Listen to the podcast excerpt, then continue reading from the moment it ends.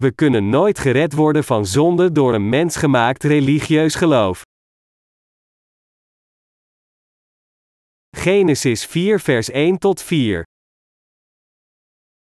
De mens, Adam, had gemeenschap met Eva, zijn vrouw, en zij werd zwanger en bracht Kain ter wereld. Met de hulp van de Heer, zei ze, heb ik het leven geschonken aan een man. Later bracht ze zijn broer ter wereld, Abel. Abel werd herder, Kain werd landbouwer. Op een keer bracht Kain de Heer een offer van wat hij had geoogst. Ook Abel bracht een offer, van de eerstgeboren dieren van zijn kudde koos hij de mooiste uit. De Heer merkte Abel en zijn offer op.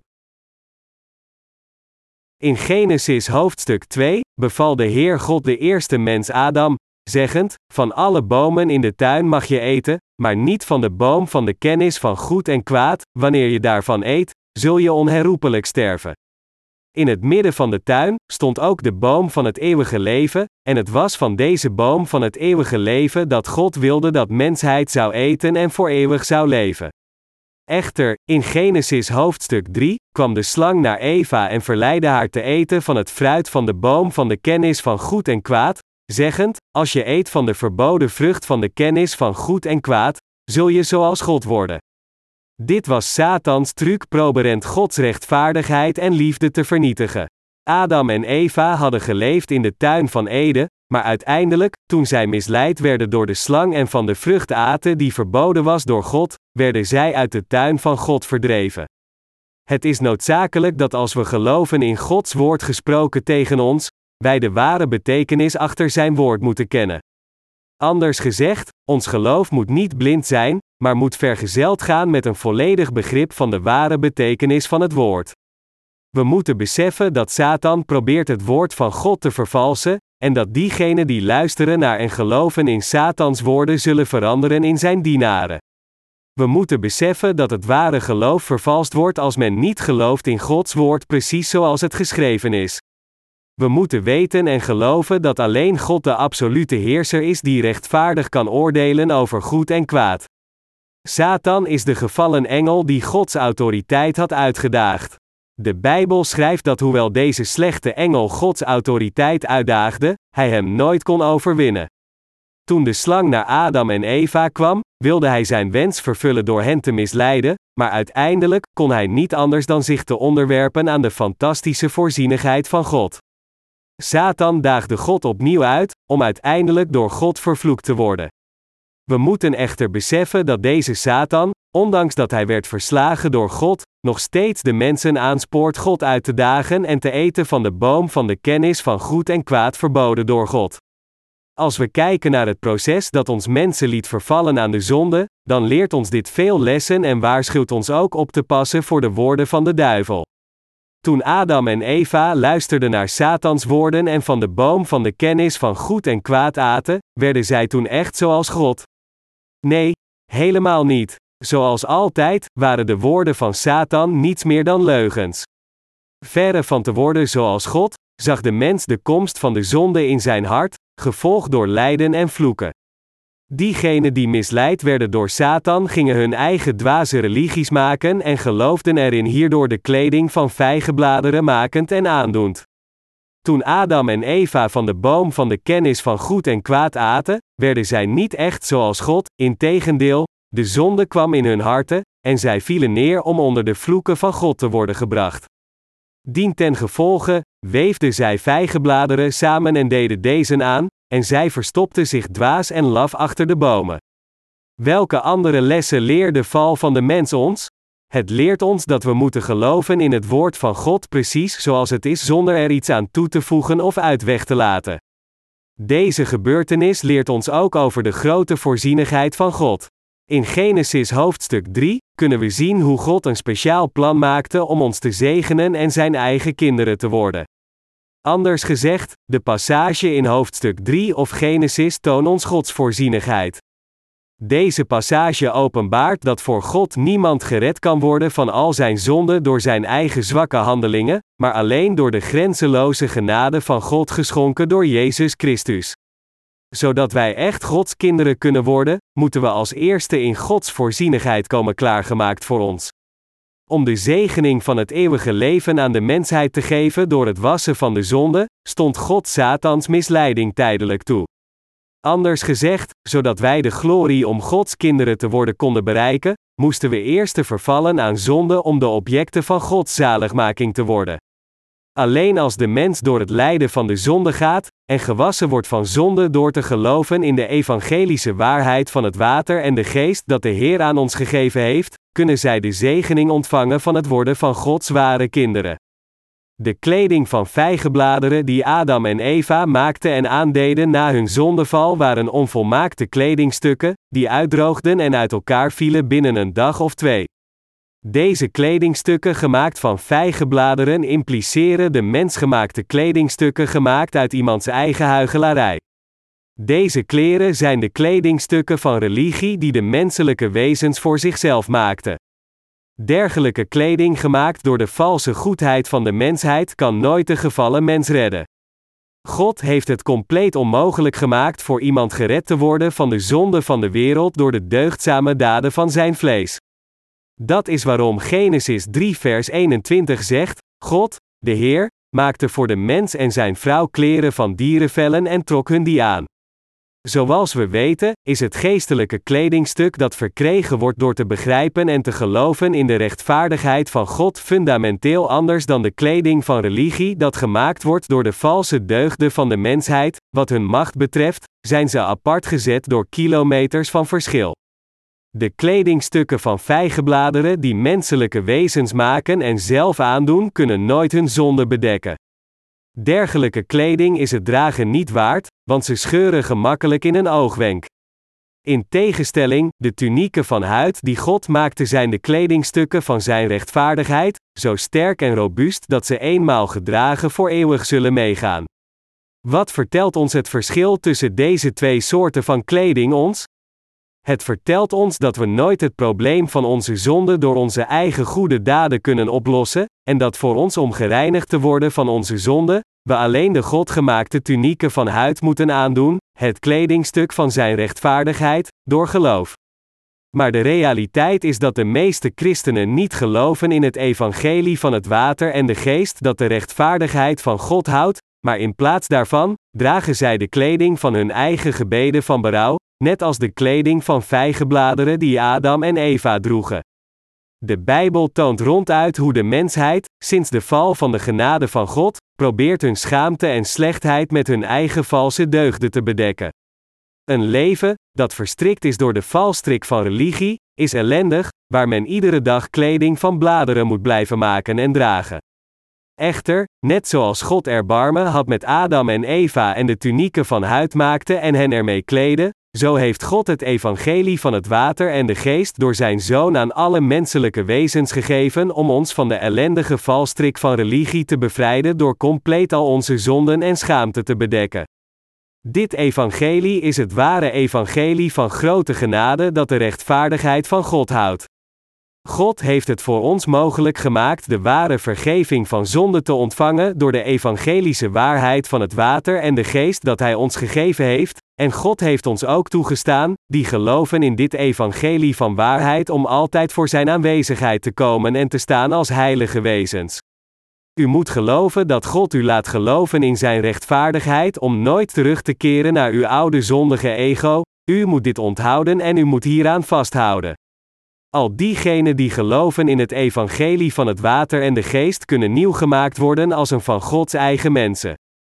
Echter, sinds u van nature geboren werd met zonde, moet u als eerste toegeven dat u zeker naar de hel zult gaan vanwege deze zonde. De menselijke aard is zo dat iedereen constant zonder pleegt levend in deze wereld. Iedereen wil altijd zonde plegen, net zoals God tegen Kain zei: handel je goed, dan kun je toch iedereen recht in de ogen kijken. Handel je slecht, dan ligt de zonde op de loer, begeerig om jou in haar greep te krijgen, maar jij moet sterker zijn dan zij.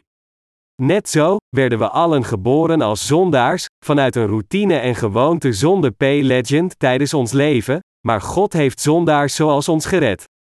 Het evangelie dat ieder van ons reinigt van onze zonden is het evangelie van het water en de geest. Dus wij moeten geloven in dit evangelie van het water en de geest met onze harten en de ware vergeving van onze zonden ontvangen. Echter, zoals de Bijbel zegt, maar deze mensen lasteren alles waarvan ze geen weet hebben, en wat ze, net als redeloze dieren, instinctmatig wel begrijpen wordt hun ondergang. Judas 1 vers 10. Veel mensen accepteren tegenwoordig niet het evangelie van het water en de geest vanuit hun natuurlijke neiging, en dit niet alleen, maar zij gaan feitelijk tegen het evangelie in, rechtstreeks lopend naar hun eigen vernietiging. Door hun eigen gedachten en hun eigen deugdzame daden te benadrukken, en door hun eigen religies van valse deugden te maken, zondigen zij tegen Gods waarheid. Met hun vleeselijke gedachten en instinctieve kennis, bedenken mensen hun eigen religie van huigelarij en aanbidden de goden van hun eigen makelij. Maar kan een dergelijk mensgemaakte valse religie werkelijk hun zonde wegwassen? Nee, natuurlijk niet. Christenen over de hele wereld moeten hun huidig geloof aan de kant gooien, dat ze allen hebben gekoesterd als een kwestie van religie, en in plaats daarvan geloven in het evangelie van het water en de geest. Tot op de dag van vandaag hebben zij geprobeerd de zonden in hun harten weg te wassen, niet met het evangelie van het water en de geest, maar alleen met hun geloof in het bloed aan het kruis. Maar met dit soort van geloof zijn ze echt in staat hun gevoel van veroordeling te verwijderen die onvermijdelijk volgt wanneer zij zondigen. Nee, ze kunnen niet echt bevrijd worden van hun zonde.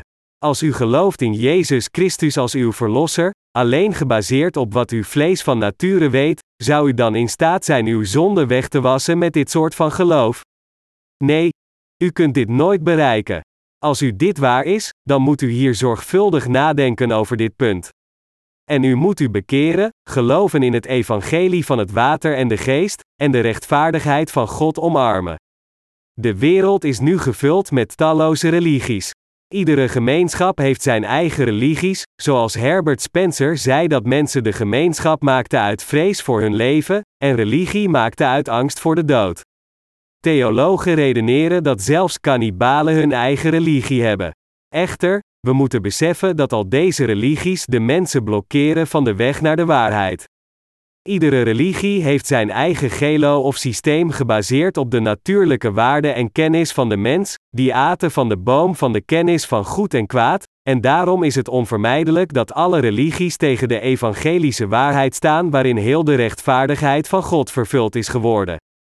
Onze God vertelt ons dat het verkeerd van ons is te proberen te worden gered door onze religieuze praktijken. Door religieuze deugden te praktiseren, kan niemand bevrijd worden van al zijn zonden.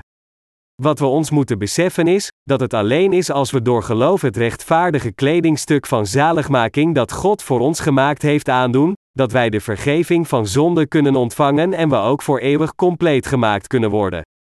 God heeft perfect al onze zonden en onrecht met het evangelie van het water en de geest uitgewist.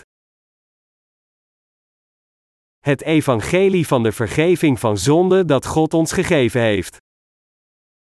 Als we kijken naar Genesis 4 vers 1 tot 5, dan staat er geschreven: De mens, Adam, had gemeenschap met Eva, zijn vrouw, en zij werd zwanger en bracht Kain ter wereld.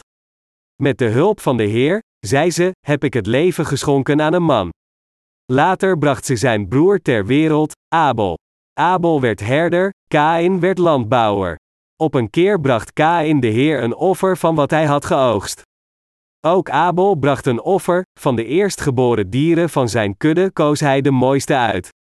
De Heer merkte Abel en zijn offer op, maar voor Kain en zijn offer had hij geen oog. Dat maakte Kain woedend, zijn blik werd donker. In werkelijkheid waren Kain en Abel niet de enige kinderen geboren van Adam en Eva, maar vele anderen werden er ook geboren. Maar de Bijbel spreekt alleen over deze twee zonen, en de reden hiervoor is omdat God ons met deze passage iets wil leren dat onder diegenen die beleiden te geloven in God, sommigen gered zijn en anderen niet. Bovendien leert deze passage ons ook dat de mensheid niet hun zonde kan uitwissen met de religie van hun eigen makelij. Het vertelt ons dat als mensen de vergeving van zonde van God willen ontvangen en zijn mensen worden, zij een offer naar God moeten brengen dat verlangd wordt door Hem door geloof, en het rechtvaardige offer van geloof aan God moeten geven. Toen Kain en Abel opgroeiden, hadden zij ieder werk, Kain was landbouwer en Abel werd veehouder. sinds Kain een landbouwer was, bracht hij producten uit de grond zoals aardappelen, koren, zoete aardappelen, rijst en offerde deze oprecht aan God, en hij wilde dat God dit zou accepteren. In tegenstelling, Abel nam de eerstgeborene uit de kudde, sneed de buik open, nam het vet dat aan de ingewanden zat eruit, legde het vlees en het vet op een altaar en offerde dit aan God door het te verbranden. Welk offer accepteerde God? God weigerde Kains offer en accepteerde alleen Abels offer. De oogst van de grond verwijst hier naar de praktijken van de mensgemaakte religies. De oogst van de grond dat Kain offerde aan God had geen echte waarheid, noch het ware leven. Ondanks dat wij mensen iets van onszelf nemen als ons offer aan God en het in alle oprechtheid aan Hem geven, kunnen we de rechtvaardigheid van God niet van onze kant vervullen. God wil geen offer van de grond dat de eigen toewijding van de mens houdt, noch zal Hij het accepteren. Wat God van ons wil is het offer dat leven en bloed heeft. Tenzij mensen het juiste offer dat God plezier doet geven, accepteert God geen enkel offer. De eerstgeborene van de kudde, dat wil zeggen het offer van de verzoening was om ons te vinden en ons leven opnieuw te herstellen. God accepteerde Abels offer. Hij accepteerde de eerstgeborene van de kudde en het vet. Dit offer voorspelt dat God zijn enige geboren zoon naar deze aarde zou sturen om ons van onze zonde zou redden, het evangelie van het water en de geest aankondigend. Dit evangelie van het water en de geest is het evangelie waardoor de enige geboren zoon van God ons mensen van de zonde heeft gered, door hen op zich te nemen door zijn doopsel ontvangen van Johannes. Als wij geloven in degene die kwam door het water en bloed, 1 Johannes 5 vers 6, dat wil zeggen, in Jezus als onze Verlosser en dit geloof aan God geven, keurt God ons geloof goed en accepteert het, geeft ons de vergeving van zonden en zegent ons om Zijn eigen kinderen te worden. Anders gezegd, het is als we geloven in het doopsel van Jezus, dus al onze zonde door geloof doorgevend aan het lichaam van Jezus ons verzoeningsoffer, en als we dit geloof aan God geven, dat God al onze zonde door dit geloof wegneemt. Dit is niets anders dan de waarheid van zaligmaking, waarmee God ons gered heeft van onze zonde vanuit Zijn liefde voor ons. Al de zondaars geboren als de afstammelingen van Adam moeten het offer nemen dat God heeft ingesteld voor hen als zij naar God komen en voor Zijn aanwezigheid staan. Dit is de wet van zaligmaking dat God in detail beloofde door het boek van Leviticus. In Leviticus hoofdstuk 1 riep God Mozes vanuit de ontmoetingstent. En hij zei tegen Mozes: Als iemand van jullie de Heer een offer uit de veestapel wil aanbieden, moet dat een rund, een schaap of een geit zijn. Leviticus 1 op 2. En God vertelde het volk van Israël dat hun offerdier aan God zonder gebreken moest zijn. God vertelde de Israëlieten dat als zij de vergeving van zonde wilden ontvangen, zij offerdieren zonder gebreken moeten brengen en hen aan God moeten offeren. In de tijd van het Oude Testament waren de dieren zonder gebreken zoals runderen, schapen of geiten de offers die geofferd werden aan God. Het waren deze offers die God met plezier accepteerde. Zoals er staat geschreven: wie een brandoffer wil aanbieden en daarvoor een rund neemt, moet een mannelijk dier nemen zonder enig gebrek. Hij moet het naar de ingang van de ontmoetingstent brengen, waar de Heer het zal aanvaarden. Leviticus 1 op 3. Dat men zijn offer uit eigen vrije wil moest offeren betekent dat men niet gewoon een offer kon geven waarvan men zelf dacht dat het goed was, maar men moest een offer geven dat God met plezier zou accepteren volgens de vereisten van het offersysteem dat hij had gevestigd. De offerdieren, gespecificeerd door God als acceptabele offers, waren runderen, schapen of geiten zonder gebreken, en voordat men een van deze dieren kon offeren, moest een zondaar zijn zonden aan het dier doorgeven door zijn handen op het hoofd te leggen. God zei zelf: Hij moet zijn hand op de kop van het offerdier leggen, dan zal zijn offer worden aanvaard als verzoening. Leviticus 1 op 4. Dit betekent dat als men zijn handen op het hoofd van het offerdier legt, het met plezier geaccepteerd zou worden door God om verzoening voor hem te geven, dat wil zeggen, men zou de vergeving van zonden ontvangen. Anders gezegd, als zijn zonden worden doorgeven aan het offerdier, zal God dit offer accepteren en al zijn zonden wegnemen. Dit is hoe de mensen in de tijd van het Oude Testament hun offers aan God gaven. Laat ons hier kijken naar Leviticus 3 voor half 5 min 31. Als iemand anders uit het volk onbedoeld zondigt tegen een van de geboden van de Heer en schuld op zich laat door iets te doen dat niet toegestaan is, moet hij, zodra hij beseft wat hij misdaan heeft, als reinigingsoffer een geit zonder enig gebrek aanbieden. Hij moet zijn hand op de kop van het dier leggen en het slachten op de plaats waar de dieren voor het brandoffer geslacht worden. De priester strijkt met zijn vinger wat bloed van het offerdier aan de horens van het brandofferaltaar. De rest van het bloed giet hij uit aan de voet van het altaar. Al het vet moet hij verwijderen, zoals ook met het vet van het vredeoffer gedaan wordt, en hij moet het op het altaar verbranden als een geurige gave die de Heer behaagt. Zo voltrekt de priester voor de persoon in kwestie de verzoeningsrieten, en krijgt deze vergeving.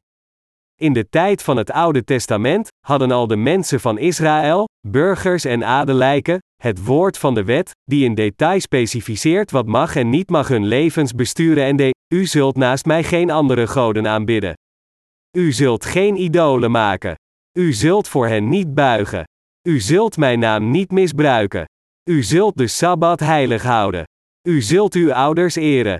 U zult niet moorden. U zult geen overspel plegen. U zult niet stelen. U zult niet begeren wat een ander heeft. Deze tien artikelen van God zijn de gist van de wet genaamd de tien geboden. Omdat menselijke wezens te zwak zijn, plegen zij voortdurend zonde. Wat zei God dat de Israëlieten moesten doen als zij zonde pleegden met hun handelingen of harten? Als het volk van Israël onbewust een zonde pleegt door iets verkeerds te doen tegen de geboden van de Heer en schuldig waren, en ze bewust werden van hun schuld, dan moesten zij een dier zonder gebreken brengen als hun offer. Ze gaven als eerste al hun zonde door aan het offerdier door het opleggen van hun handen op het hoofd van het dier, om dan te doden en hem aan God te offeren. Leviticus 3 voor half 5 min 28. De meeste van u hebben waarschijnlijk een of ander schilderij gezien met de afbeelding van een stenen brandofferaltaar, met uitgespreid brandhout, en een geslacht dier er bovenop met een brandend vuur eronder. Dit beeldt de brandoffering uit dat werd gegeven aan God. Wanneer de mensen van Israël in de tijd van het Oude Testament zonde pleegden, gaven zij hun zonden aan een offerdier door, door hun handen op zijn hoofd te leggen, en zijn bloed af te tappen door zijn keel door te snijden en dit bloed aan de priester te geven. De priester nam iets van dit bloed aan zijn vinger, smeerde dit op de vier horens van het brandofferaltaar en goot het overgebleven bloed op de grond. Dan nam hij het vet eruit, plaatste het vet bovenop het brandofferaltaar samen met het vlees, en offerde dit aan God door het te verbranden. Als we kijken naar het boek van Leviticus, dan zien we hoe God het offersysteem instelde om de zonde van de mensen weg te nemen, de vereiste specifieke rent van dergelijke offers zoals brandoffers, vredeoffers en zondeoffers. God liet duidelijk weten dat een zondaar in zijn plaats een dier moest doden voor zijn eigen dood, het op het brandofferaltaar moest plaatsen en het aan God als zijn offer van verzoening moest offeren. Volgens dit offersysteem moesten de zondaars uit het Oude Testament een offerdier brengen en hun zonden aan dit dier doorgeven door hun handen op het hoofd te leggen. Het offerdier dat de zonde van de mensen accepteerde door het opleggen van hun handen moest onvermijdelijk sterven om het loon van hun zonde namens hen af te betalen. Met andere woorden, diegene die zijn zonde doorgaf aan het dier doodde het, tapte zijn bloed af en gaf dit bloed aan de priester. De priester deed wat bloed aan zijn vingers, smeerde dit op de horens van het brandofferaltaar en goot de rest van het bloed op de grond. Dan offerde hij al het vlees aan God door het te verbranden. Toen de priester al dus het offer aan God gaf, kon de zondaar dat het offer gaf de vergeving van zonden ontvangen. Door dit God gevestigde offer, kon de zondaar bevrijd worden van zijn zonde. Met dit offersysteem opende God een weg voor de mensen van Israël om vergeven te worden van al hun zonden door geloof, ongeacht welke overtredingen zij ook in hun harten hebben gehad. Dit is waar het offersysteem over gaat. Daarom, toen God beloofde dat Hij al de zonde van de mensen zou vergeven, in overeenstemming met deze belofte, legden de mensen van God in het Oude Testament hun handen op het hoofd van het offerdier en offerden zijn bloed aan God. Sinds zij allen iedere dag zondigden, betekende dit dat zij allen hun offer van verzoening iedere dag moesten offeren om de vergeving van hun zonden iedere dag te ontvangen. Maar het was ondraaglijk nauwgezet voor hen om dag na dag offers te brengen. Dus vestigde God een ander offerritueel voor hen, en dit was het artikel betreffende de grote verzoendag. Dit offerritueel stond het volk van Israël toe al de zonden die zich over één heel jaar hadden opgestapeld in een keer door te geven. Het was een offerritueel van genade, waar God de hoge priester toestond al de zonde gepleegd door al zijn mensen voor één heel jaar door te geven aan de offerdieren, door zijn handen op de hoofden van de dieren te leggen in hun naam. Dit offer op de grote verzoendag werd ieder jaar op de tiende dag van de zevende maand geofferd. Laat ons hier kijken naar Leviticus 1 voor half vijf middags min 30. De volgende bepaling blijft voor jullie voor altijd van kracht. De tiende dag van de zevende maand moeten jullie in onthouding doorbrengen en je mag dan geen enkele bezigheid verrichten, geboren Israëlieten evenmin als de vreemdelingen die bij jullie wonen. Want op die dag wordt voor jullie de verzoeningsrieten voltrokken, opdat jullie van al je zonden gereinigd worden en de Heer weer rein tegemoet kunnen treden. God liet de hoge priester het offer geven dat één heel jaar van zonde gepleegd door het hele volk van Israël in een keer uitwiste. Voorheen, als de Israëlieten zelfs maar een kleine zonde pleegden, moesten zij elk een offerdier brengen, hun zonde doorgeven door hun handen op het hoofd te leggen en het dier doden en verbranden. Maar dit was veel te gecompliceerd, met lang niet genoeg dieren die rondliepen voor al de zonden die de Israëlieten pleegden, en dus liet God de hoge priester een speciaal offer geven om al de zonden van de Israëlieten voor één heel jaar uit te wissen. Met andere woorden, God stond hen een artikel toe dat al hun jaarlijkse zonden in een keer uitwiste. Dat is waarom volgens dit artikel, op de grote verzoendag, een man genaamd Aaron kwam om een offer aan God te offeren als de hoge priester. Het eeuwige offer van verzoening. Laat ons kijken naar Leviticus 17 over 4 smiddags min 22. Er mag niemand in de ontmoetingstent zijn, vanaf het moment dat hij die binnengaat om de verzoeningsrieten te voltrekken tot het ogenblik waarop hij de tent verlaat. Nadat hij voor zichzelf en zijn familie en voor de hele gemeenschap van Israël de verzoeningsrieten heeft voltrokken, moet hij naar buiten gaan, naar het altaar dat bij de ingang staat. Ook daarna moet hij de verzoeningsrieten voltrekken. Hij moet wat bloed van de stier en van de bok aan de horens van het altaar strijken, en vervolgens met zijn vinger zevenmaal het bloed sprenkelen. Zo reinigt hij het van de onreinheid van de Israëlieten en heiligt het weer. Nadat Aaron de verzoeningsrieten heeft voltrokken in de heilige ruimte, het voorste deel van de ontmoetingstent en het altaar, moet hij de andere, nog levende bok laten brengen. Hij legt dan zijn beide handen op de kop van de bok en spreekt alle wandaden en vergrijpen van de Israëlieten openlijk uit, alle zonden die zij hebben begaan. Zo legt hij alle zonden op de kop van de bok. Daarna moet hij het dier de woestijn insturen, onder de hoede van iemand die daarvoor is aangewezen. De bok neemt alle zonden van het volk met zich mee, naar een verlaten gebied.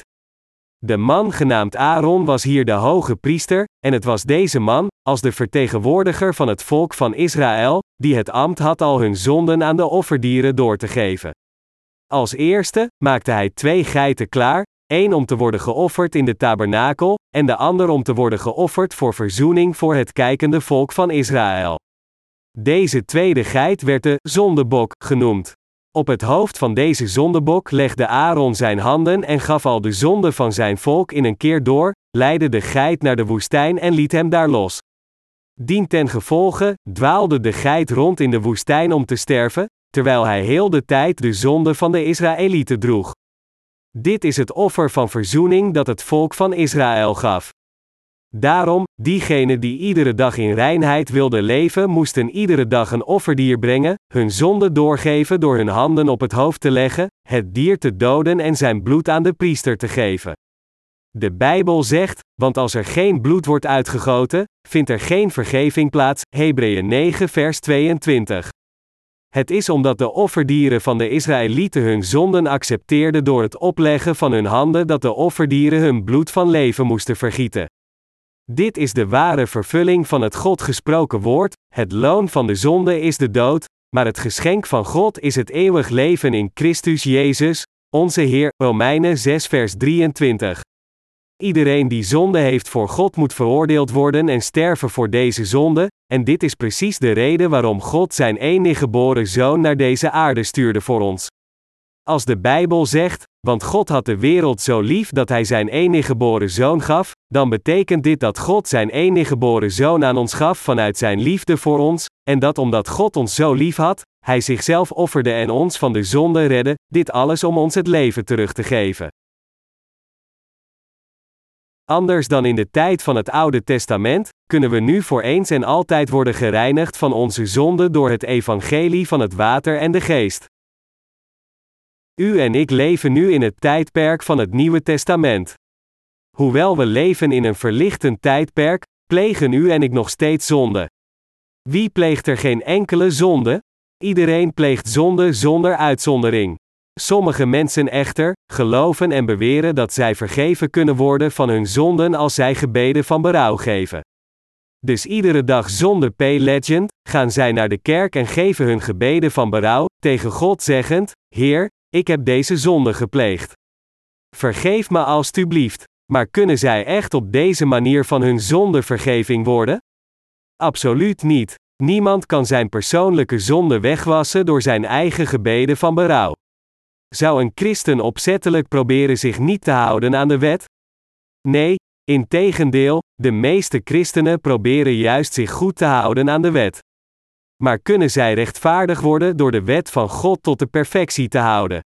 Kunnen zij echt bevrijd worden van al hun zonden door hun eigen religieuze toewijding en altruïstische daden? Nee, nooit. Vanaf het begin maakte God duidelijk dat niemand zijn zonde kan verstoppen door het maken en dragen van kleding gemaakt van vijgenbladeren. Met andere woorden, geen enkele zondaar kan ooit de vergeving van zonden ontvangen door een religie van deze wereld. Door wat kunnen we dan vergeven worden van onze zonden? God zei dat het is door te geloven in het evangelie van het water en de geest, het evangelie waarmee God ons heeft gered van zonde, dat wij onze vergeving van zonde kunnen ontvangen. Terwijl menselijke wezens nooit gered kunnen worden van hun zonde door de vruchten van hun vlees, als zij geloven in het rechtvaardige evangelie volbracht door de Heer God, dan kunnen zij de vergeving van hun zonden ontvangen en rechtvaardige mensen worden. Het is moeilijker voor de rijken het koninkrijk van de hemel binnen te gaan door hun eigen rechtvaardigheid dan voor een kameel om door het oog van een naald te gaan, maar God heeft onze zaligmaking van zonde volbracht, dat onmogelijk verkregen kan worden door onze eigen deugdzame daden en Hij heeft dit aan ons als een geschenk gegeven. Dat is waarom toen Jezus over onze zaligmaking van zonde sprak, hij zei: Bij mensen is dat onmogelijk, maar bij God is alles mogelijk. Matthäus 19, vers 26. Als we verder leven in deze wereld, kunnen we het niet helpen dan iedere dag zonde te plegen, want wij zijn veel te ontoereikend. Wie in deze wereld zondigt niet? Als er iemand is die geen zonde pleegt tegen God of andere mensen terwijl hij leeft in deze wereld, laat hem nu spreken. Hedendaagse christenen zeggen: geloof in Jezus. U zult naar de hemel gaan als u gelooft in Jezus, maar als we hen vragen: plegen christenen geen zonde terwijl ze leven in deze wereld? Dan zeggen ze: natuurlijk niet, zelfs christenen zondigen. Maar als we dan vragen: wat doet u als u zonde pleegt? Dan zeggen ze: het enige dat ik hoef te doen is naar de kerk te gaan om gebeden van berouw te geven. Maakt dat zin? Dit, mijn medegelovigen, is complete onzin. In feite is dit de reden waarom zoveel niet-christenen de christenen veroordelen.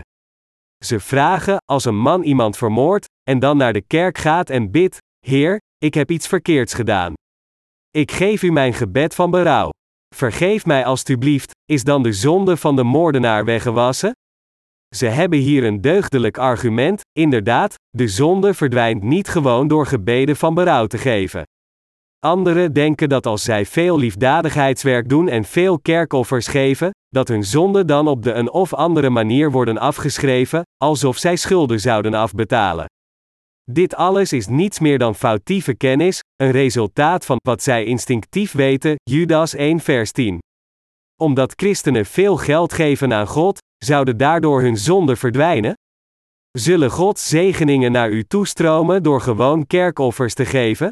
Met andere woorden, zouden de zonden in uw harten echt verdwijnen als u uw zuur verdiende geld aan God zou geven. Is onze God een onrechtvaardige God die dergelijke steekpenningen zou accepteren, en hierdoor voorkomt dat armen geen voet in zijn kerk kunnen zetten? Laat ons hier voor een moment aannemen dat er een elektricien is, die in een elektriciteitspaal klimt om deze te reparen. Deze elektricien klimt naar boven in de paal en legt zijn gereedschap op de paal, en eentje valt per ongeluk omlaag. Het gereedschap valt bovenop een voorbijganger hem onmiddellijk dodend. De elektricien doodde hier iemand onopzettelijk. Menselijke wezens zijn zo ontoereikend dat zij voortdurend zonde plegen, maar verdwijnen hun zonde door het geven van de gebeden van berouw. Nee, natuurlijk niet. Of men bewust of onbewust zonde pleegt, alle zonden worden alleen weggewassen door te geloven in het evangelie van het water en de geest waarin de rechtvaardigheid van God is gevestigd. Al de zonden van de mensheid worden alleen weggewassen als mensen het God gegeven evangelie van het water en de geest kennen en op dit evangelie vertrouwen. De God waar christenen in geloven is een rechtvaardige God, en dat is waarom God zei: Het loon van de zonde is de dood, wat betekent, als je iemand vermoordt, dan moet jij ook sterven. Zelfs als we niet opzettelijk zondigen, zijn we nog steeds in staat onopzettelijk zonde te plegen, en dus als Gods rechtvaardige wet op ons werd toegepast, dan zouden we miljoenen keren ter dood zijn gebracht.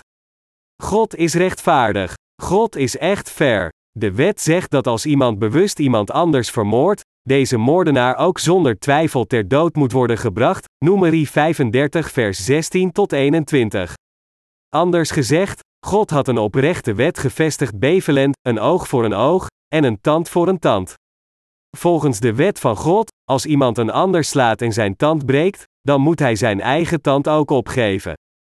In islamitische landen wordt deze wet nog steeds letterlijk toegepast, en dus als een dief wordt gestraft, wordt zijn hand eraf geslagen. Dit is hoe streng de wet van God is. Dus als de wet van God op ieder van ons werd toegepast, dan zouden we allen veroordeeld worden voor onze zonden en ter dood worden gebracht. Hoe kunnen menselijke wezens dan de dood vermijden, als zij niet anders kunnen dan de hele tijd te zondigen? Hoe kunnen zij ooit worden gered? Omdat God zoveel van de mensheid hield, kon Hij de mensen niet gewoon alleen laten om te sterven door hun zonde. Dat is waarom God het offersysteem gaf om de zonde van de mensen op een rechtvaardige manier weg te wassen. Met andere woorden, God stond zondaars toe een offerdier klaar te maken, hun zonden aan het dier door te geven door hun handen op het hoofd te leggen, het dier te doden om het loon van hun zonden af te betalen, om verlost te worden van hun zonden door dit offersysteem te vestigen, vervulde God beide zijn rechtvaardigheid en liefde. Hoewel u en ik beide voortdurend blijven zondigen, zelfs nu, heeft God reeds al onze zonden uitgewist. Is er iemand in deze wereld die geen zonde pleegt tegen God of zijn medemens? Nee, er is er niet een. Ik pleeg zelf ook zonde. Hoe kunnen we dan de dood vermijden, het loon van onze zonde? Met andere woorden, hoe kunnen we de eeuwige bestraffing van de hel vermijden?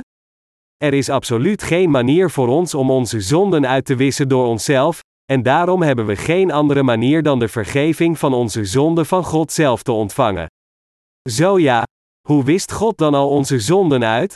God heeft al onze zonden met het evangelie van het water en de geest uitgewist dat heel zijn rechtvaardigheid vervuld heeft. Laat ons kijken naar Matthäus 3 vers 13 tot 17. Toen kwam Jezus vanuit Galilea naar de Jordaan om door Johannes gedoopt te worden. Maar Johannes probeerde hem tegen te houden met de woorden: Ik zou door u gedoopt moeten worden, en dan komt u naar mij. Jezus antwoordde: Laat het nu maar gebeuren, want het is goed dat we op deze manier Gods gerechtigheid vervullen. Toen stemde Johannes ermee in. Zodra Jezus gedoopt was en uit het water omhoog kwam, opende de hemel zich voor hem en zag hij hoe de geest van God als een duif op hem neerdaalde. En uit de hemel klonk een stem: Dit is mijn geliefde zoon, in hem vind ik vreugde.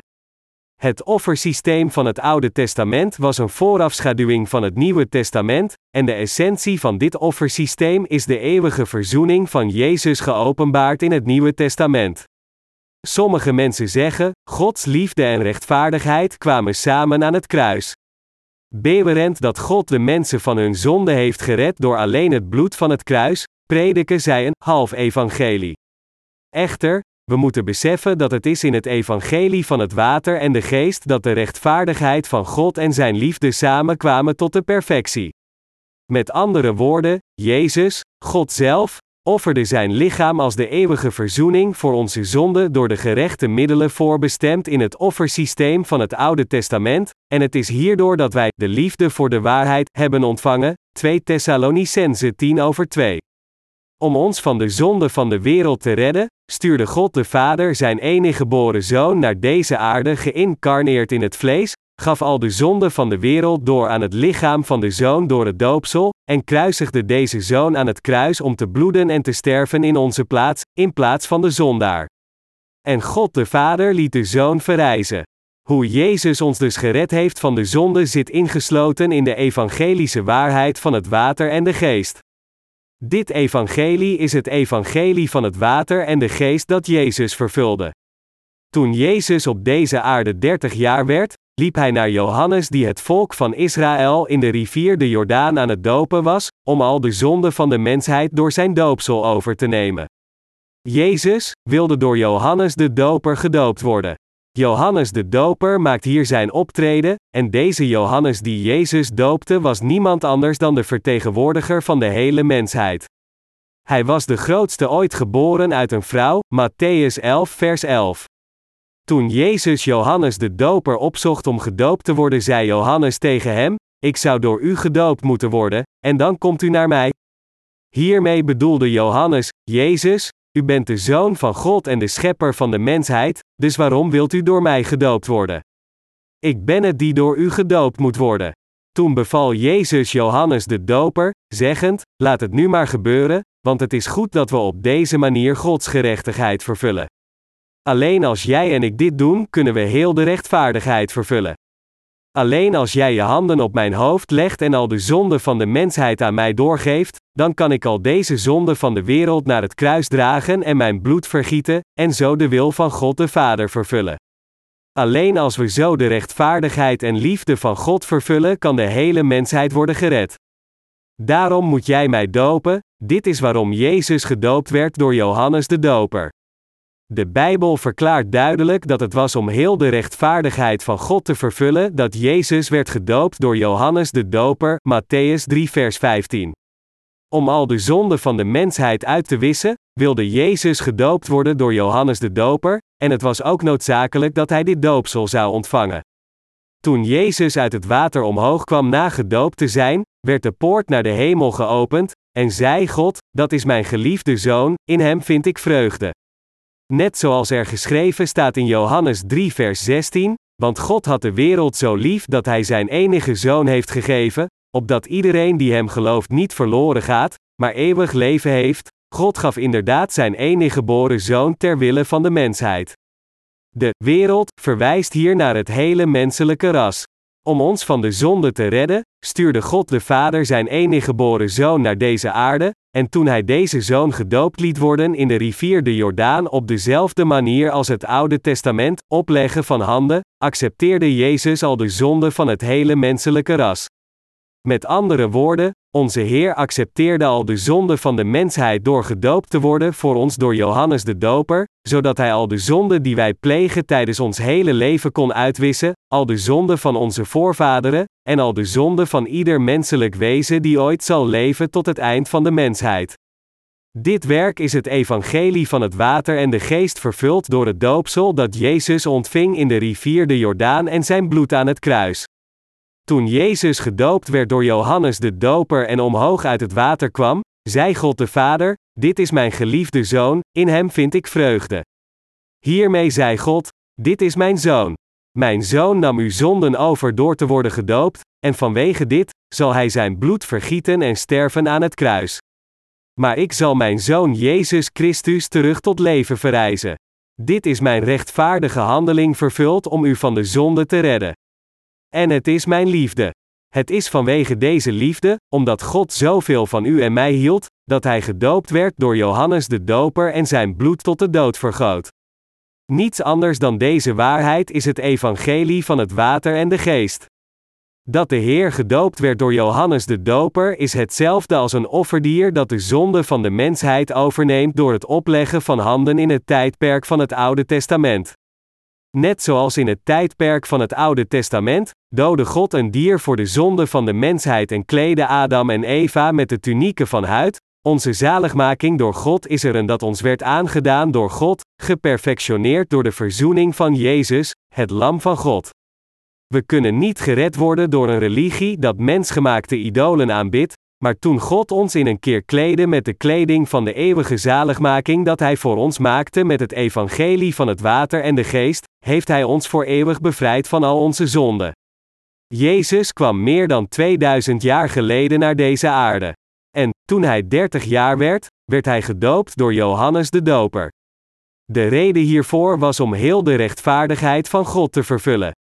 Net zoals er staat geschreven in Matthäus 3, vers 15: Laat het nu maar gebeuren, want het is goed dat we op deze manier Gods gerechtigheid vervullen. Jezus reinigde ons van de zonde van de wereld door te worden gedoopt door Johannes de Doper in de vorm van het opleggen van handen. Het woord, want in Matthäus 3, vers 15 betekent hier dat in het Oude Testament, net zoals iemands zonden werden doorgegeven aan zijn offerdier toen hij zijn handen op zijn hoofd legde, en God accepteerde dit offer en wiste al zijn zonden uit als het dier bloedde, gedood en aan God geofferd werd, was het om onze zonden te accepteren dat Jezus gedoopt werd en uit het water omhoog kwam. Omdat Jezus al onze zonden accepteerde door te worden gedoopt met andere woorden, omdat hij al onze zonden zoals het offerdier uit het tijdperk van het Oude Testament accepteerde, moest hij zijn bloed vergieten en sterven, en dat is waarom hij werd gekruisigd voor ons. En hierna verrees hij weer van de dood. Dit is de ware reden waarom Jezus naar deze aarde kwam. Jezus nam al onze zonden voor eens en altijd over toen hij gedoopt werd door Johannes de Doper. Jezus is het Lam van God die al de zonde van de wereld wegnam. Laat ons kijken naar Johannes 1, vers 29. De volgende dag zag hij Jezus naar zich toekomen, en hij zei: Daar is het Lam van God, dat de zonde van de wereld wegneemt.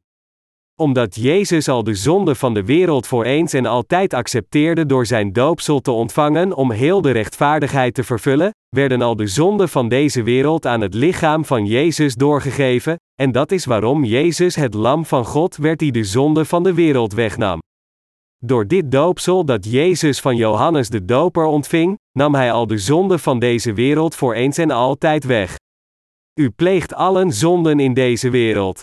Maar Jezus nam al de zonde van de wereld weg, zodat hij ze naar het kruis kon dragen. Dat is hoe, door ons van al onze zonden in een keer te redden, Jezus u en mijn verlosser is geworden. Jezus Christus schouderde en één keer al de zonde van deze wereld, en droeg hen naar het kruis, en vergoot zijn bloed voor ons.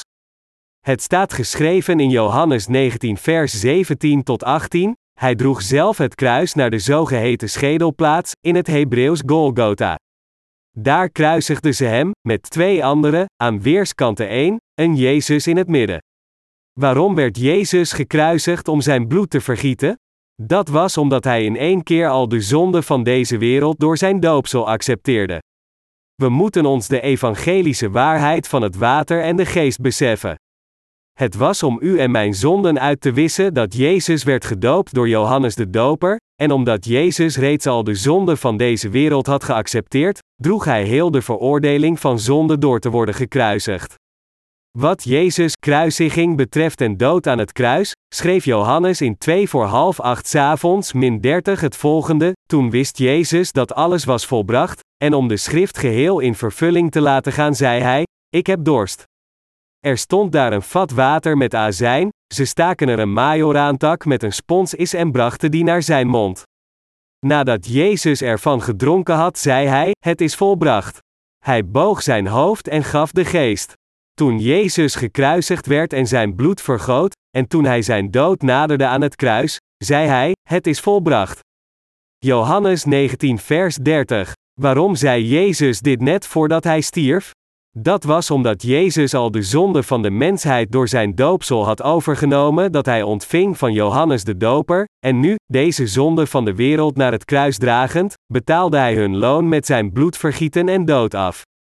Jezus volbracht in een keer de complete verwijdering van al onze zonden.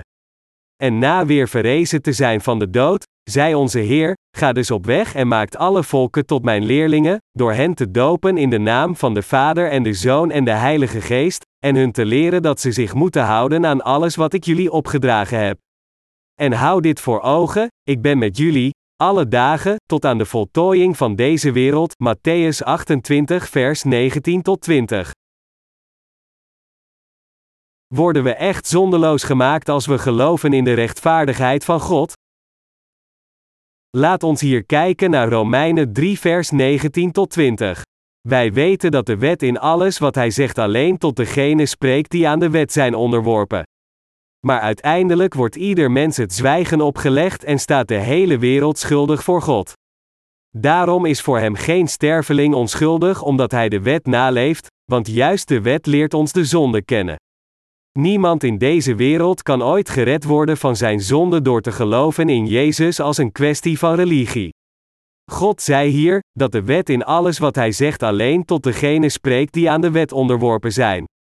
Wat betekent deze passage? Dit betekent dat de wet spreekt tegen diegenen die nog steeds niet beseffen dat God hen gered heeft, en die gebonden door hun zonde, niet anders kunnen dan te sterven en naar de hel te gaan. Wat zegt de wet dan? Het zegt dat ieder mens het zwijgen wordt opgelegd en de hele wereld schuldig voor God zal staan, met andere woorden, het verklaart, u wordt geopenbaard als een zondaar voor de wet, en u moet veroordeeld worden voor uw zonde. Bovendien, zei onze Heer ook, daarom is voor hem geen sterveling onschuldig omdat hij de wet naleeft, want juist de wet leert ons de zonde kennen. Met dit maakt de Heer hier duidelijk dat de zaligmaking niet verkregen kan worden door allen in het christendom te geloven als een kwestie van religie, alsof het gewoon een religie van de wereld is. Ongeacht hoe deugdzaam iemand ook mag leven, niemand kan de wet voor 100% perfect houden. Door de wet zei God tegen ons: U zult naast mij geen andere goden hebben, u zult geen overspel plegen, u zult niet stelen, u zult geen valse getuigenis afleggen, u zult niet begeren wat een ander heeft. Anders gezegd, God vertelt ons door de wet: U bent een zondaar, u hebt andere goden in uw hart, u pleegt iedere dag overspel, u kunt niet anders dan een vals getuigenis af te leggen, u zou graag iets stelen als u de kans kreeg, en u kunt uw hebzuchtigheid niet controleren. De wet vereist heiligheid van ons. Wat betreft de maatstaf van deze heiligheid van de wet, zei Jezus zelf: Iedereen die naar een vrouw kijkt en haar begeert, heeft in zijn hart al overspel met haar geleegd. Matthäus 5 vers 28. Godsdienstige personen denken dat het oké is zolang als zij de wet niet met hun daadwerkelijke daden overtreden, maar de Heer zei hier dat iemand die lustvolle verlangens in zijn hart koestert al overspel heeft gepleegd. Daarom kan niemand aan de veroordeling van de wet van God ontsnappen, en niemand kan gered worden van zijn zonde door de wet te houden. Laat ons hier kijken naar Romeinen 3 vers 21 tot 22. Gods gerechtigheid, waarvan de wet en de profeten al getuigen, wordt nu ook buiten de wet zichtbaar. God schenkt vrijspraak aan allen die in Jezus Christus geloven. En er is geen onderscheid. De Bijbel zegt hier: nu is de rechtvaardigheid van God apart van de wet geopenbaard. Dit betekent dat wij nu onze zaligmaking van zonde kunnen verkrijgen door te geloven in de rechtvaardigheid van God niet door religie, noch door gebeden van berouw, noch door het geven van veel kerkoffers, noch door deugdzaam te leven.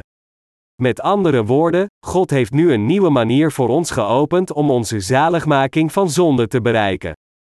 Dit betekent dat God zijn rechtvaardigheid aan diegenen heeft gegeven die geloven dat Jezus Christus hen gered heeft door te worden gedoopt door Johannes de Doper om al hun zonden te accepteren, te sterven aan het kruis en door weer van de dood te verrijzen. Kortom, het is door te geloven in het evangelie van het water en de geest dat wij gered zijn van al onze zonden. God zei in Romeinen 3 vers 23 tot 26, Iedereen heeft gezondigd en ontbeert de nabijheid van God, en iedereen wordt uit genade, die niets kost, door God als een rechtvaardige aangenomen omdat Hij ons door Christus Jezus heeft verlost. Hij is door God aangewezen om door zijn dood het middel tot verzoening te zijn voor wie gelooft. Hiermee bewijst God dat Hij rechtvaardig is, want in Zijn verdraagzaamheid gaat Hij voorbij aan de zonden die in het verleden zijn begaan. Hij wil ons nu, in deze tijd, Zijn gerechtigheid bewijzen, Hij laat ons zien dat Hij rechtvaardig is door iedereen vrij te spreken die in Jezus gelooft. Wat betekent deze passage? Het betekent dat toen Jezus Christus naar deze aarde kwam, Hij de rechtvaardigheid van God vervulde. Hoe bereikte Jezus Christus dit? Hij bereikte dit door al u en mijn zonde voor eens en altijd te accepteren door het doopsel dat hij ontving van Johannes de Doper, door heel de veroordeling van zonde namens ons aan het kruis te dragen, de veroordeling die u en ik gedragen zouden moeten hebben, en door dus ieder van ons te redden. Dit is hoe wij nu voor niets gerechtvaardigd zijn door de God gegeven genade van zaligmaking. Dit is het geschenk van de rechtvaardigheid van God. De rechtvaardigheid van God werd volbracht door de rechtvaardige handeling, Romeinen 5 vers 18, van Jezus Christus, de enige geboren Zoon van God de Vader, en hij werd aan ons als een geschenk gegeven. En de rechtvaardige handeling van Jezus Christus is dat hij al de zonde van de wereld door het doopsel dat hij ontving accepteerde, aan het kruis stierf en weer van de dood verrees om ons van onze zonde te redden. Niets anders dan dit is het geschenk van de liefde van God. Dat is waarom de Bijbel hier zei dat wij voor niets door Zijn genade gerechtvaardigd zijn. Het is door Gods rechtvaardige werken met onze lippen toe te geven dat wij de ware zaligmaking kunnen bereiken. Omdat we het geschenk van zaligmaking hebben ontvangen door te geloven in de rechtvaardigheid van God volbracht door Jezus, zijn we nu rechtvaardig gemaakt en Gods eigen kinderen geworden. Met andere woorden, men wordt niet van al zijn zonden vrijgesteld door geen zonde te plegen, noch door veel deugdzame daden te praktiseren, noch door veel geld te offeren, noch door gebeden van berouw te geven, noch door een religieus vroom leven te leiden. Ware zaligmaking wordt alleen verkregen door te geloven in de rechtvaardigheid van God waarmee Jezus Christus ons van onze zonde heeft gered. Dit is het ware evangelie van het water en de geest, het woord van de waarheid dat ons naar de hemel leidt. God zei in Romeinen 4 vers 1 tot 8, wat moeten wij nu zeggen over onze stamvader Abraham?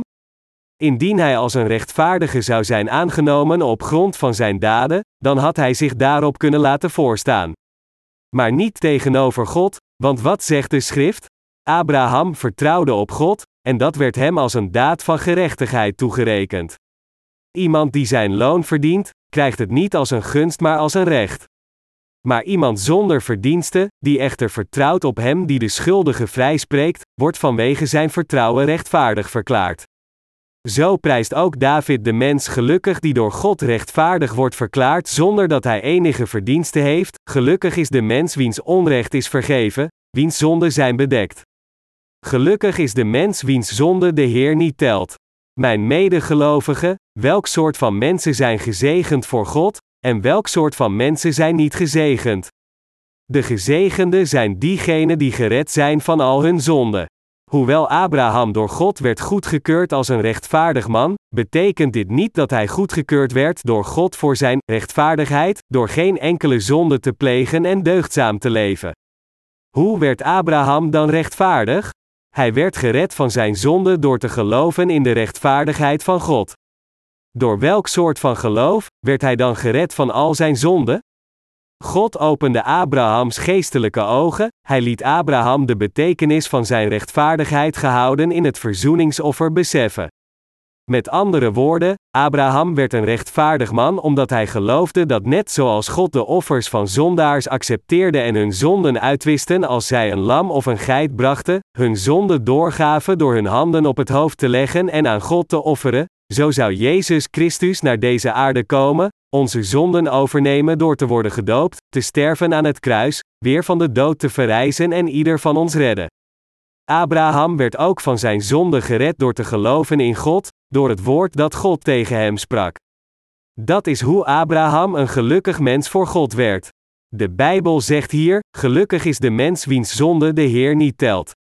Mijn medegelovigen, betekent dit dan dat ondanks we allemaal hebben gezondigd voor God, God gewoon onze zonden niet ziet zonder enige reden? Nee, natuurlijk niet. God zei dit onder de vooropstelling dat zijn zoon naar deze aarde zou komen om heel zijn rechtvaardigheid te vervullen. Met andere woorden, hoewel elke overtreding gepleegd door de mensheid een zonde is voor God, heeft onze Heer ons gered van al deze zonden door te worden gedoopt door Johannes de Doper en zijn bloed aan het kruis te vergieten. Dit betekent dat Jezus, God zelf, zorg droeg voor heel het loon van de zonden en hen volledig afbetaalde. Daarom, iedereen die gelooft in deze Jezus Christus die al onze zonde heeft uitgewist als zijn verlosser is een gezegend iemand. Door te geloven in het evangelie van het water en de geest, zijn we vergeven geworden van onze wetteloze daden, en zijn we dus gezegende mensen geworden. De gelukkigste mensen in deze wereld zijn diegenen die de vergeving van hun zonde hebben ontvangen door te geloven in het evangelie van het water en de geest. Romeinen 4 vers 25 zegt dat Jezus werd prijsgegeven om onze zonden en werd opgewekt omwille van onze rechtvaardiging. Omdat Jezus Christus naar deze aarde kwam, omdat Jezus Christus gedoopt werd door Johannes de Doper, en omdat Jezus Christus al de zonde van deze wereld overnam, moest hij in het hof van Pilatus staan, ontving veertig zweepslagen min één en vergoot zijn bloed om aan het kruis te sterven, en hij verrees uiteindelijk weer van de dood. Het is vanwege onze overtredingen dat de Heer gedoopt werd, voor ons stierf en weer van de dood verrees. We plegen iedere dag overtredingen voor God. Maar, door zijn doopsel dat Jezus Christus van Johannes de Doper accepteerde, nam hij al deze overtredingen, of gepleegd met onze harten of daden, en stierf voor onze zonden en verrees weer van de dood. Om ons van al onze zonden te redden, werd Jezus Christus gedoopt in onze plaats en stierf om de veroordeling van onze zonden in onze plaats te dragen. En hij verrees weer van de dood om ons weer terug tot leven te brengen van onze dood. Dit is waarom Romeinen 5 vers 1 tot 2 zegt, wij zijn dus als rechtvaardigen aangenomen op grond van ons geloof en leven in vrede met God, door onze Heer Jezus Christus. Dankzij Hem hebben we door het geloof toegang gekregen tot Gods genade, die ons fundament is, en in de hoop te mogen delen in Zijn luister prijzen we ons gelukkig. Met andere woorden, we zijn rechtvaardig geworden door geloof. We hebben de rechtvaardigheid verkregen door te geloven in de waarheid. God heeft ons gered door Zijn eigen zoon op te geven, want Hij hield van ons. Net zoals God een offer had geaccepteerd volgens de juiste vereisten van het offersysteem uit het Oude Testament, zo heeft God diegenen geaccepteerd die geloven in de eeuwige verzoening, dat Jezus offerde door zijn doopsel en het bloed aan het kruis en God heeft hen de vergeving van hun zonden gegeven. Laat ons hier nu kijken naar Hebreeën 10 vers 9 tot 10, dan zegt hij, hier ben ik, ik ben gekomen om uw wil te doen, waarmee hij het eerste opheft om het tweede van kracht te doen zijn. Op grond van die wil zijn wij voor eens en altijd geheiligd, door het offer van het lichaam van Jezus Christus. Het eerste verwijst hier naar de wet. Dit betekent dat onze zaligmaking niet bereikt kan worden door de wet. Toen de mensheid eenmaal aan de zonde vervallen was, gaf God ons de wet en door deze God gegeven wet, stond Hij ons toe onze zonde te beseffen. Alleen als we onze zonde beseffen, kunnen we weten en geloven in Jezus Christus als onze Verlosser, en de vergeving van al onze zonden verkrijgen. Wat kwam Jezus Christus op deze aarde doen? Het was om de wil van God de Vader te doen dat Jezus Christus naar deze aarde kwam.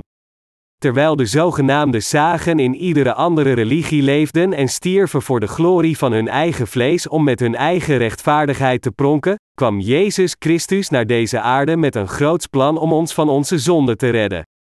En door de lippen van David de profeet, sprak Jezus over datgene wat hij op voorhand zou doen, toen heb ik gezegd, hier ben ik, want dit staat in de boekrol over mij geschreven: Ik ben gekomen, God, om uw wil te doen.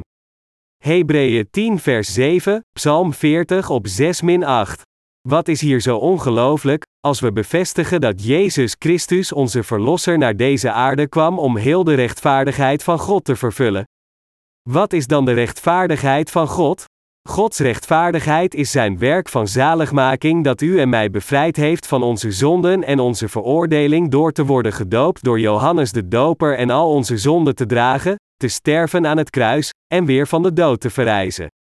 Het is, met andere woorden, een feit dat Jezus Christus de Zoon van God u en mij gered heeft door het evangelie van het water en de geest.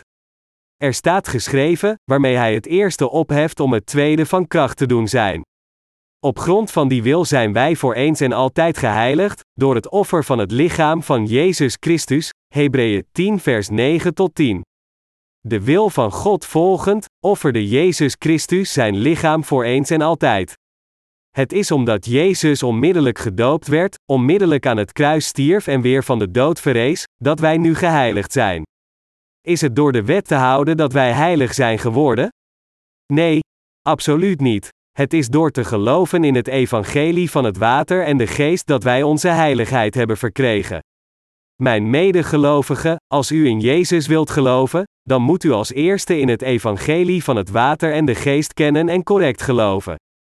Diegenen die niet het evangelie van het water en de geest kennen, of diegenen die het kennen maar erin niet in geloven, kunnen nooit de vergeving van zonden ontvangen.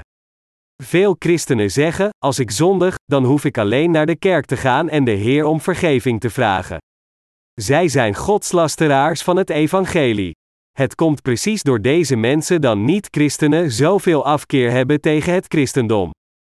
Laat ons kijken naar Hebreeën 10 vers 11 tot 14. De priesters blijven dagelijks hun dienst verrichten en steeds opnieuw dezelfde offers opdragen die de zonden nooit teniet zullen kunnen doen, terwijl hij, na zijn eenmalig offer voor de zonde, voorgoed zijn plaats aan Gods rechterhand heeft ingenomen, waar hij wacht op het moment dat zijn vijanden voor hem tot een bank voor zijn voeten zijn gemaakt.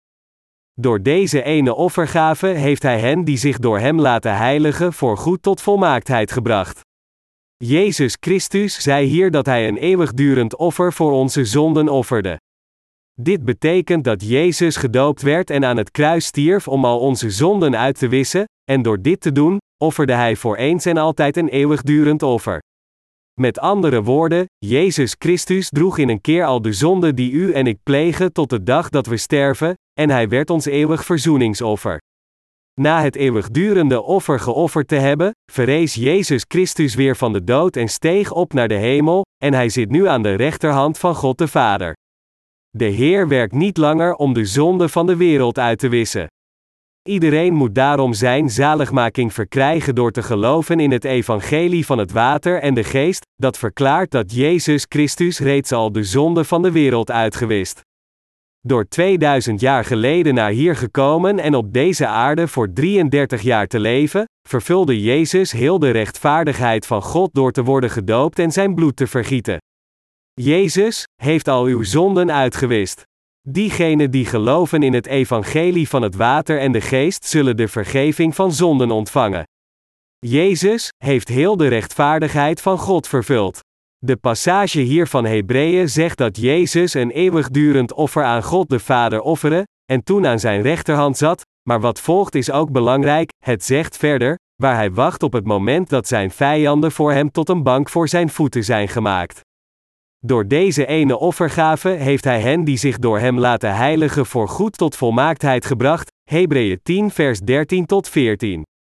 Dit betekent dat iemand die met heel zijn hart gelooft in datgene wat Jezus voor hem heeft gedaan voor eeuwig van al zijn zonden verlost zal zijn, maar iemand die niet gelooft in het evangelische werk van het water en de geest vervuld door Jezus zal voor eeuwig veroordeeld worden voor zijn zonde.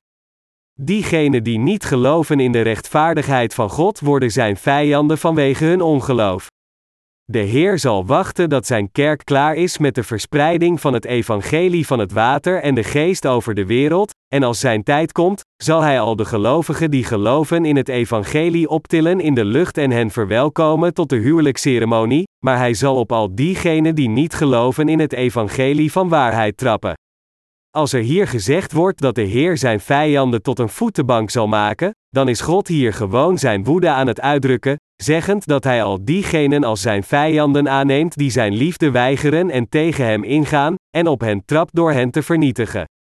God zegt verder in Hebreeën hoofdstuk 10, hiervan legt ook de Heilige Geest voor ons getuigenis af, want eerst staat er: Dit is het verbond dat ik na die tijd met het volk van Israël zal sluiten, spreekt de Heer: In hun hart zal ik mijn wetten leggen, in hun verstand zal ik ze neerschrijven, en even verder staat er: Aan hun zonden en hun wetteloosheid zal ik niet meer denken. Waar dat alles vergeven is, daar is geen offer voor de zonde meer nodig. Hebreeën 10, vers 15 tot 18. Mijn medegelovigen, God zei hier, aan hun zonden en hun wetteloosheid zal ik niet meer denken, en dat nu alles vergeven is. Elke zonde die ooit gepleegd is geworden en ooit gepleegd zal worden door ons zijn allen hier ingesloten in hun zonden en hun wetteloosheid, van de zonde die u en ik al hebben gepleegd tot de zonde die we vandaag plegen, de zonde die we morgen zullen plegen, de zonde die we zullen plegen tot de dag dat we sterven, de zonde van onze voorouders, de zonde van onze ouders en ook de zonde van uw afstammelingen. Onze Heer heeft al deze zonde weggenomen. Jezus werd prijsgegeven vanwege onze overtredingen, en werd opgewekt vanwege onze rechtvaardiging, Romeinen 4 vers 25.